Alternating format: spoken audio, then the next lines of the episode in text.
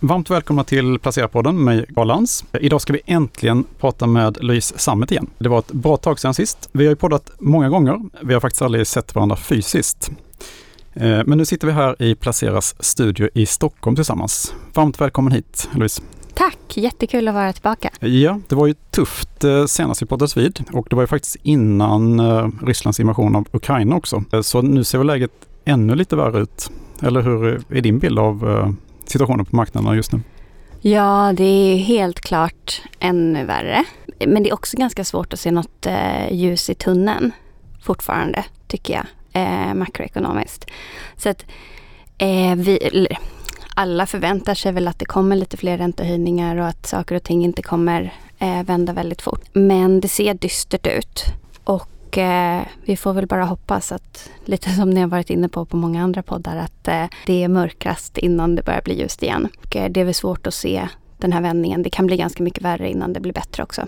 Mm. Sist vi pratade så, så minns jag att du sa att vi kunde få se en, en kyrkogård av startups. Ja.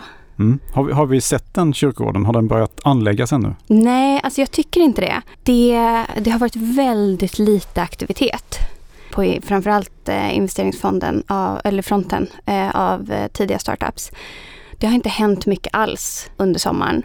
Det var väl några bolag som var ganska snabba på bollen att eh, ta in mer pengar i eh, våras.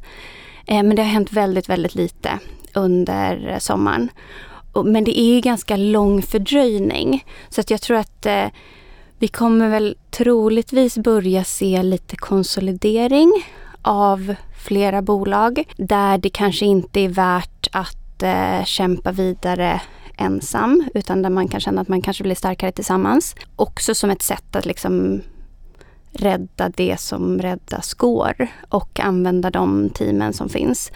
Eh, det är ganska många ändå som har lagt in lite sparpaket och sådär och eh, sagt upp lite anställda. Inte minst Klarna då som du ja, jobbade ja, på tidigare? Mm. Japp, inte minst Klarna. Man har väl inte läst jättemycket om det här tycker jag. Men i USA så är det väldigt många eh, som har gjort, genomfört väldigt stora sparpaket. Och det är väl någonting som man får förvänta sig mer av. Inte minst ba, alltså, inom techsektorn men egentligen överallt. Vi, vi hade till och med Meta här som eh, ska spara 10 mm. av kostnaderna. Mm. Lanserade i förra veckan var det, slut på förra, förra veckan. Ja, ja precis. Mm. Så även de stora drakarna börjar ju dra ner här. Ja, men det har ju varit väldigt goda tider väldigt, väldigt länge. Mm. Och eh, det är väl många som har spenderat lite mer. Eh, och sen så nu så är det lite tuffare tider och då gäller det att agera. Men vi har, jag tycker inte vi har börjat se eh, företag som inte har klarat sig än. Så, vilket ju är bra. Ja, det är bra. Ja. Mm. Så, men det, kan fort, det finns men, fortfarande utrymme för att det kan bli mycket ja, värre. Ja, men precis. Det finns mm. fortfarande utrymme för att det blir mycket värre. Eh, tidigare så har ju i princip alla kunnat ta in kapital. Eh, och det, så är det verkligen inte längre. Det är lite av en fördröjning också eh, vad det gäller de värderingarna som bolagen har tagit in pengar på som har varit väldigt höga innan. Det är ganska tufft och det tar lite längre tid då att kunna ta in kapital på nytt för då blir själva värderingsfrågan tuff. Eh, jag har sagt till de flesta bolagen som jag har varit involverad i att om man har liksom en planvärdering nu då är det en enorm framgång. Mm. Eh, så de bolagen som liksom har växt på bra, de har väl liksom sett typ samma eller kanske en liten, liten ökning i värdering. Eh, Medan de som det inte har gått lika bra för, de har liksom inte... Antingen så har de behövt göra en downround, alltså som Klarna till exempel. Eller så eh, så har de inte gjort någonting än för att sådana saker tar längre tid och det är, ganska, det är ett ganska surt äpple som man behöver bita i eh, när man behöver eh, komma till en bättre värdering eller till en mer rimlig värdering igen. Och där så tror jag och att vi snart kommer se utifrån datan också att de tidigaste bolagen, där börjar det nog hända mer igen nu. För de har inte det här bagaget av att ha fått varit tvungna att ta in till en, eller de har inte varit tvungna, men de har tagit in till en hög värdering. Men de bolagen som startas nu, de har inte det bagaget. De kan bara ta in pengar från, eh, från början.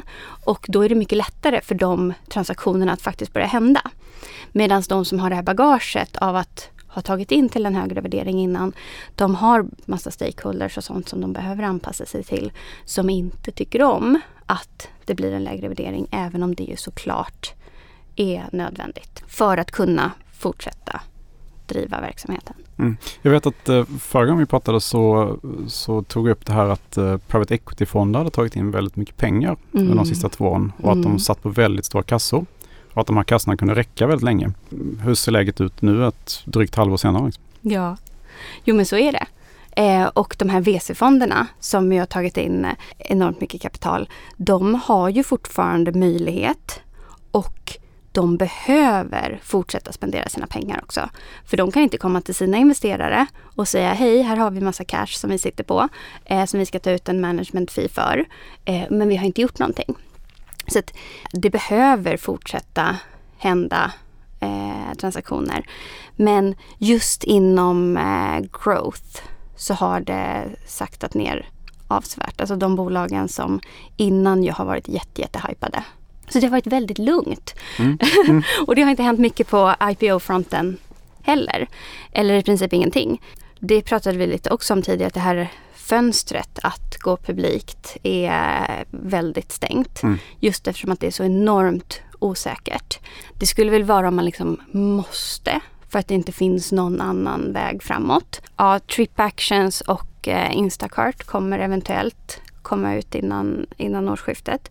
Men jag tror att man skulle behöva ett riktigt, riktigt starkt bolag som kommer ut eh, och börjar handlas publikt för att det här ska öppnas igen. Alltså man skulle behöva typ Stripe eller Databricks eller ett bolag som, liksom, som växer väldigt, väldigt mycket med en stark affärsmodell som är beprövad så att alla liksom är överens. Det här är ett fantastiskt bra bolag som vi äntligen får möjlighet att investera i. Mm. Vad, vad gör Stripe och Databricks? Vad vi definierar dem? eh, Databricks är ganska likt, eh, likt Snowflake. Eh, okay. databas, så därför har man inte hört talas om det. Och de säljer framförallt till eh, stora företag. Stripe är en eh, betalleverantör, alltså i, inte olikt eh, Klarna. Okay från men de är baserade i San Francisco. Okay. Ja, men och sen så vad det gäller då alla andra bolag än som finns. Eh, framförallt inom techsektorn så har det varit enormt tuffa tider. Och där tänker jag att eh, värderingen är liksom, marknaden har en annan tanke om hur man värderar bolag just nu. Jag tror fortfarande att bolag med höga marginaler och eh, hög tillväxt kommer växa eh, snabbare än allt annat och är därför liksom fortsatt väldigt optimistisk till mm. Eh, techsektorn över lång sikt. Men alltså nu de, det kommande året eller de kommande två åren är det väldigt svårt att veta vad, mm. hur någonting kommer utvecklas egentligen. För vi har haft en väldigt lång period egentligen av uh, där techsektorn haft det svårt. Alltså man, mm. i alla fall olönsam techsektor började ju gå dåligt redan i februari 2021. Ja, precis. Så det börjar bli en, en lång period nu. Verkligen. Och många bolag är ju ner liksom 70, 80, 90 procent. Mm. Så att det, det har varit rejäla nedgångar får man verkligen säga. Verkligen. Någonstans finns det ju en botten gissar jag. Ja, någonstans finns det kanske en botten för de fina bolagen. Mm. Och det är väl lite där utmaningen ligger, tror jag. Mm. För att det har varit väldigt, väldigt många som har kommit ut på börsen för att det har vi har ju liksom en historik av att det var inte så himla så många som, som kom till börsen eh, för att det fanns eh, bättre möjligheter att få tillgång till kapital eh, privat. Och sen så, så blev det mycket mer välbetalt att vara ett publikt bolag och då var det fler som liksom pushades till marknaden kanske innan de var redo, vissa av dem.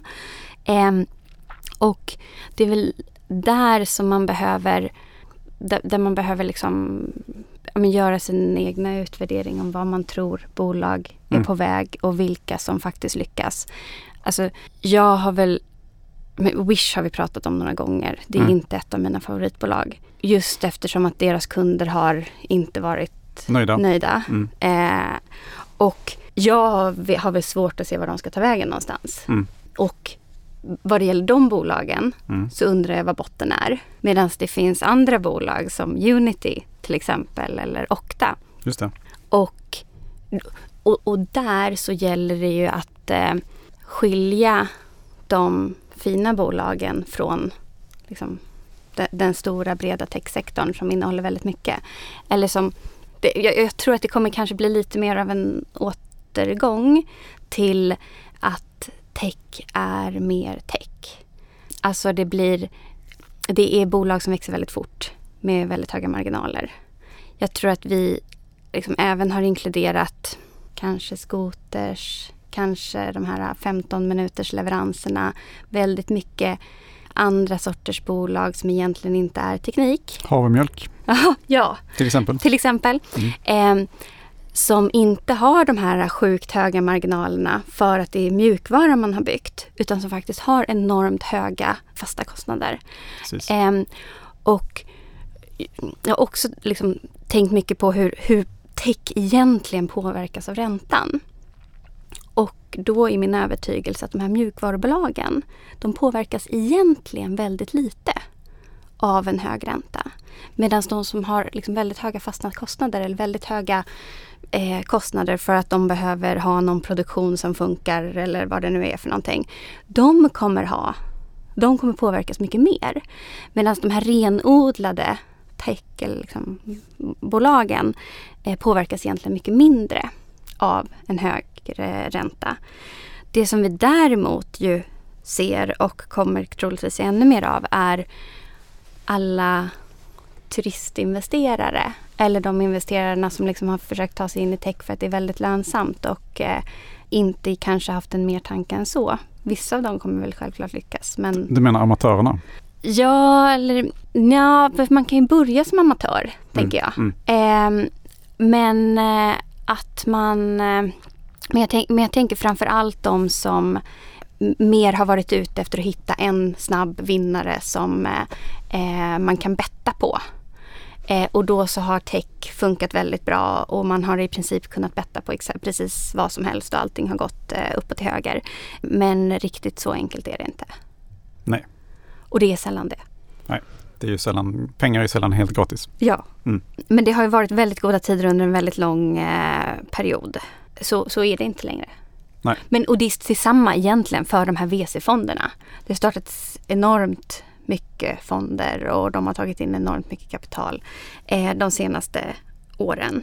För att alla har velat investera i Next, nästa stora techbolag och det har ju varit liksom en sjukt lönsam modell också. Men det kommer nog mattas av Mm. lite troligtvis. Men jag tänker de här VC-fonderna måste väl ändå på något vis eh, vara ute och leta nu efter bottenfisken ändå. Om de, de måste väl investera de här pengarna. Liksom. Ja, absolut. Så att det, det och- talar ju ändå för att det blir en viss dämpning i alla fall tills de pengarna är förbrukade då, i alla fall. Eller Ja. investerade. Ja, och det gör ju liksom att det, processen blir väldigt lång. Mm. Och det tar egentligen några fondcykler innan man ser vilka som faktiskt har möjlighet att leverera också.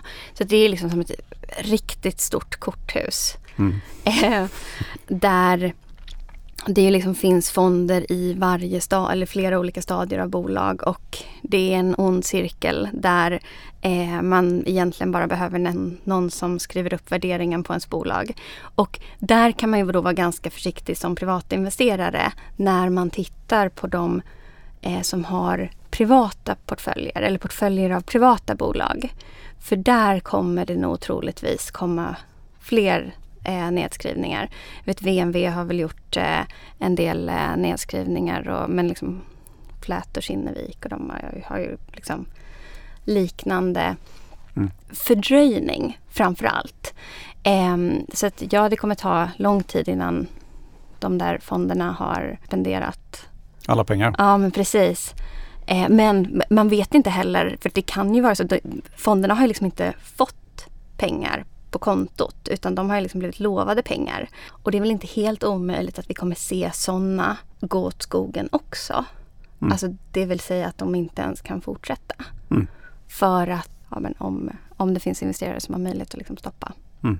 tillflödet. Det har man väl hört lite rykten om. Att det är LP som faktiskt inte har gjort sina capital calls. Okej. Ehm, och det ehm, Ja, men det får, får, bara framtiden utvisa egentligen. Men igen då till de här snabb, eller eh, tidiga bolagen. De har inte det här bagaget. Det är ju jätteintressanta tider nu att vara en väldigt tidig investerare. Alltså inte minst med tanke på att eh, folk får sparken och kanske tvingas prova den här idén som de har suttit på. Mm. Eh, och det finns god tillgång till kapital och möjlighet att eh, eh, prova sina vingar på ett annat sätt än vad folk kanske har gjort innan. Det är lite svårare att lämna en välbetald tjänst på ett coolt techbolag än om man liksom får en spark i rumpan och behöver göra någonting annat. Liksom. När man verkligen måste göra det. Ja. Mm. Jag tänker nu, nu när vi ändå liksom har haft en eh, ja, men någon form av, eh, även om det här kanske fortsätter så är, befinner vi oss väl ändå mitt inne i det blodbadet. Så att säga. Mm. Finns det några liksom, bolag du själv tittar på nu som du har kanske ökat i eller några trender som du tittar på som är speciellt viktiga som du tror kommer att överleva det här? Mm. Eller komma ut starkare efter den här eh, stora nedgången?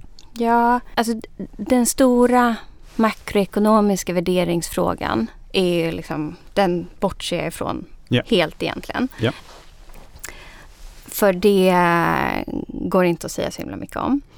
Men bolag som till exempel Octo Unity mm. är väldigt, eller fortsatt liksom väldigt, väldigt, väldigt positiv mm. eh, till. Även Roblox. Mm. Eh, det är liksom, det, det, är tungt när det är så rött. Ja, eh, och som, ja, mm. som, som det är nu. Men de kör jag liksom själv och gör eh, regelbundna investeringar i. Mm. Så du, du, snittar ner det där så att säga? Eller, ja. eller snittar upp positionen hur man nu vill se det? Ja, precis. Jag tänker väl att förhoppningsvis så om tio år så känns det som att man köpte för lite. Ja. Men det kan ju fortsätta längre mm. och eh, det är väldigt svårt att, att veta egentligen. Mm. Absolut. Jag vet att du, du pratade om um, lite större bolag som Palo Alto och Atlassian också. Ja. Det är jättehöga kvaliteten. Ja. Man ska säga. Mm. Och som de också har fallit ju, mycket. Mm. De har fallit mycket men ju inte alls i närheten. Och de är ju jättefina. Och, men, och då om man liksom går tillbaka till um, teknikbolag, tillväxtbolag, de som fina bolagen som fortsätter ha jättefina marginaler och bra tillväxt. Mm. Alltså, det är ju helt fantastiskt att de finns på börsen och att de är tillgängliga för oss att investera i. Så Palo Alto, eh, jättetrevligt. Men eh, även liksom Atlassian, Twilio. Eh, Twilio har ju tappat enormt mycket. Ja, mm. verkligen. Men fortfarande liksom ett av dem. Det är enorm tillväxt i alla fall fortfarande. Ja, mm. Och de säger att de ska gå plus minus noll 2023 i alla fall. Ja. Har de sagt nu. ja. Mm. Det är det alla vill, alla vill se det nu liksom. Ja men de, precis. De lyckas med det. Precis. Och Sinch är liksom den svenska varianten till eh, eh, Twilio. Men de har väl gjort lite eh, dåliga investeringar va? Ja men och eh, jag brukar försöka hålla mig till ettan. Ja exakt. Om mm. jag kan. Mm. Mm. Men och där är liksom Twilio verkligen marknadsledande och jag som jobbar mycket, har jobbat mycket med tidiga bolag så är Twilio den självklara partnersen som man, som man jobbar med. Och det talar ofta väldigt starkt för att de har Alltså, mm. om, om de coolaste bolagen som bygger eh, framtidens lösningar eh, väljer att jobba tillsammans med Twilio fortfarande, då, då är det någonting eh, mm. som de har på riktigt. Eh, och då har de fortfarande den senaste tekniken. Då är det inte någonting nytt som de här tidiga bolagen använder sig av. För annars brukar de vara ganska snabba och, och ombytliga och försöka jobba med eh, det, det senaste. Men eh, Nej, det är ett riktigt, riktigt, riktigt fint bolag. Och de har man ju nu möjlighet att liksom snitta ner eller köpa hur man nu tänker att man vill göra. Och det är ju lite samma med liksom Square eller Block. Ja. de har ju också förlorat eh, enormt mycket men det är fortfarande tycker jag är ett väldigt eh, mm. eh, fint bolag. Hur ser du på Affirm nu? Klarnar ja, konkurrenten? har också tappat enormt mycket. Ja, Affirm har tappat enormt mycket. Och jag är så, och jag är väldigt kluven. Mm. För å ena sidan så är jag väldigt positiv till Mm. hela eh, sektorn. Eh, och då tänker jag liksom just det här köp nu, betala senare, veta vem du är eh, på nätet, kunna erbjuda ett bättre alternativ än kreditkort. Jag ser liksom kreditkort som den stora konkurrenten till det här köp nu, betala senare. Eh, det är jättesvårt att veta hur bra deras kreditmodeller faktiskt har varit eh, och hur väl det faktiskt kommer fungera om vi får se en väldigt djup eh, recession. Och det är väl liksom en av de stora utmaningarna tycker jag med de bolagen. Och det som, den stora oron som finns på marknaden också. Så vad, vad, vad kommer hända nu om folk inte har råd att betala? Då kommer de se kreditförluster på, ett, på en helt ny nivå. Klarna har ju fördelen att de är på många fler marknader. Affirm är väldigt bundet till eh, USA. Och det gör att de blir mer beroende av hur det går där. Klarna är lite mer Spridda. spridda tack vare det. Ehm, så att jag är liksom försiktigt positiv. Men eh, det, det känns som att det beror också ganska mycket på den generella marknadsekonomin. Säg att vi ser slutet av tunneln och allting vänder, då, då tror jag att det kommer vara väldigt mycket lättare för dem. Annars så kommer de behöva bevisa hur det här funkar om vi ser en mycket högre arbetslöshet och att folk får det tuffare. Mm. Och det är inte helt omöjligt att vi kommer se det. Nej, man kan inte utesluta det i alla fall. Nej. Samtidigt är ju am- amerikanska arbetsmarknaden är ju, är, har ju varit enormt stark och den fortsätter ju hålla emot ganska bra. Ja, och vi har ju pratat lite om valutarisk och sånt tidigare. Ja. Och ap- apropå eh, den amerikanska marknaden och liksom en annan fördel ju med techaktier, att de ju faktiskt ligger i dollar. Exakt. Och att man som svensk nog ska akta sig för att vara alldeles för bunden till eh, eh, svenska kronan. Så jag tror snarare att vi måste se liksom lite på valutarisk i att bara vara i Sverige. Det är riskabelt och kommer nog fortsätta vara riskabelt. Mm, Det verkar ju så. Ja, Det det, väldigt verkar så på vår eh, penningpolitik. Och då, då är det väldigt fördelaktigt ha någon annan valuta som, som dollar. Alltså även när jag har jobbat med fonder så har vi alltid kört på dollar.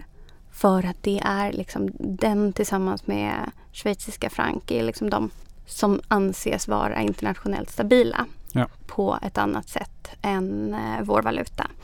Och det är ju då en dold fördel kanske med Mm. att vara på eh, med att vara ganska djup inne i eh, USA. Eh, men och någonting annat roligt också ap- apropå just dollarn och eh, kanske de mindre framgångsrika spaxen som vi har pratat om. Mm. Det att bara investera i SPAX Mm. i dollar Mm, måste ju ha varit, ja, men det måste ju ha varit typ det bästa. Ja, du har fått 25 procent i kronor då, här året. ja, Mm, ja, För dollaruppgången. precis. Och speciellt då de som inte har investerat i bolag. Mm. För då har de ju legat kvar i Mm. kontanter. Mm, allra bästa. Ja. ja, det är lustigt. Det, det är det, Mm. verkligen. Det Mm. som man liksom kanske hade sett som det mest negativa tidigare. Det har varit ett tvångsmässigt sparande. Med då bara den positiva valutautvecklingen. Mm. Ja, det har ju verk- verkligen varit en jättefin krockkudde då för, eh, för oss liksom, Ja, ja, mm, det här året. ja verkligen valutan ja. Mm. Ja. Du, hur ser du på Mm. krypto då? Du ägde ju lite, um, Ja, lite krypto, ja. men du var väldigt tidig i det, så minns jag. ja men precis. Så jag Mm. har lite bitcoin, lite ethereum. Mm. Eh, och jag håller kvar där. Mm. Jag har inte köpt någonting sånt och kommer inte göra det Nej. heller. Och, utan det som fortfarande kanske finns där är att, som vi var, var inne på tidigare, att eh, risk-reward ration. Alltså möjligheten att få eh, väldigt hög avkastning givet risken tycker Mm. jag har varit eh, funnits där. Alltså det finns antingen så blir det ingenting eller så kanske det blir 10x. Och något sånt kan jag tänka mig att ligga inne i under lång sikt. Liksom. Mm. Eller så blir det ingenting. Men Okej, så du har, eh, du har ju då ökat då i dina eh, Unity och eh, eh, dina favoritbolag, Roblox Mm. bland annat. Du har inte tagit in något nytt bolag? Som du sa, det här är ett riktigt, riktigt bottenfiske liksom. jag försöker akta mig från att bottenfiska. Just det. Ehm, för att jag vill köpa de absolut bästa Ja. bolagen. Jag har köpt lite Mips. Så i Sverige? Eh, Mm. Ja, precis.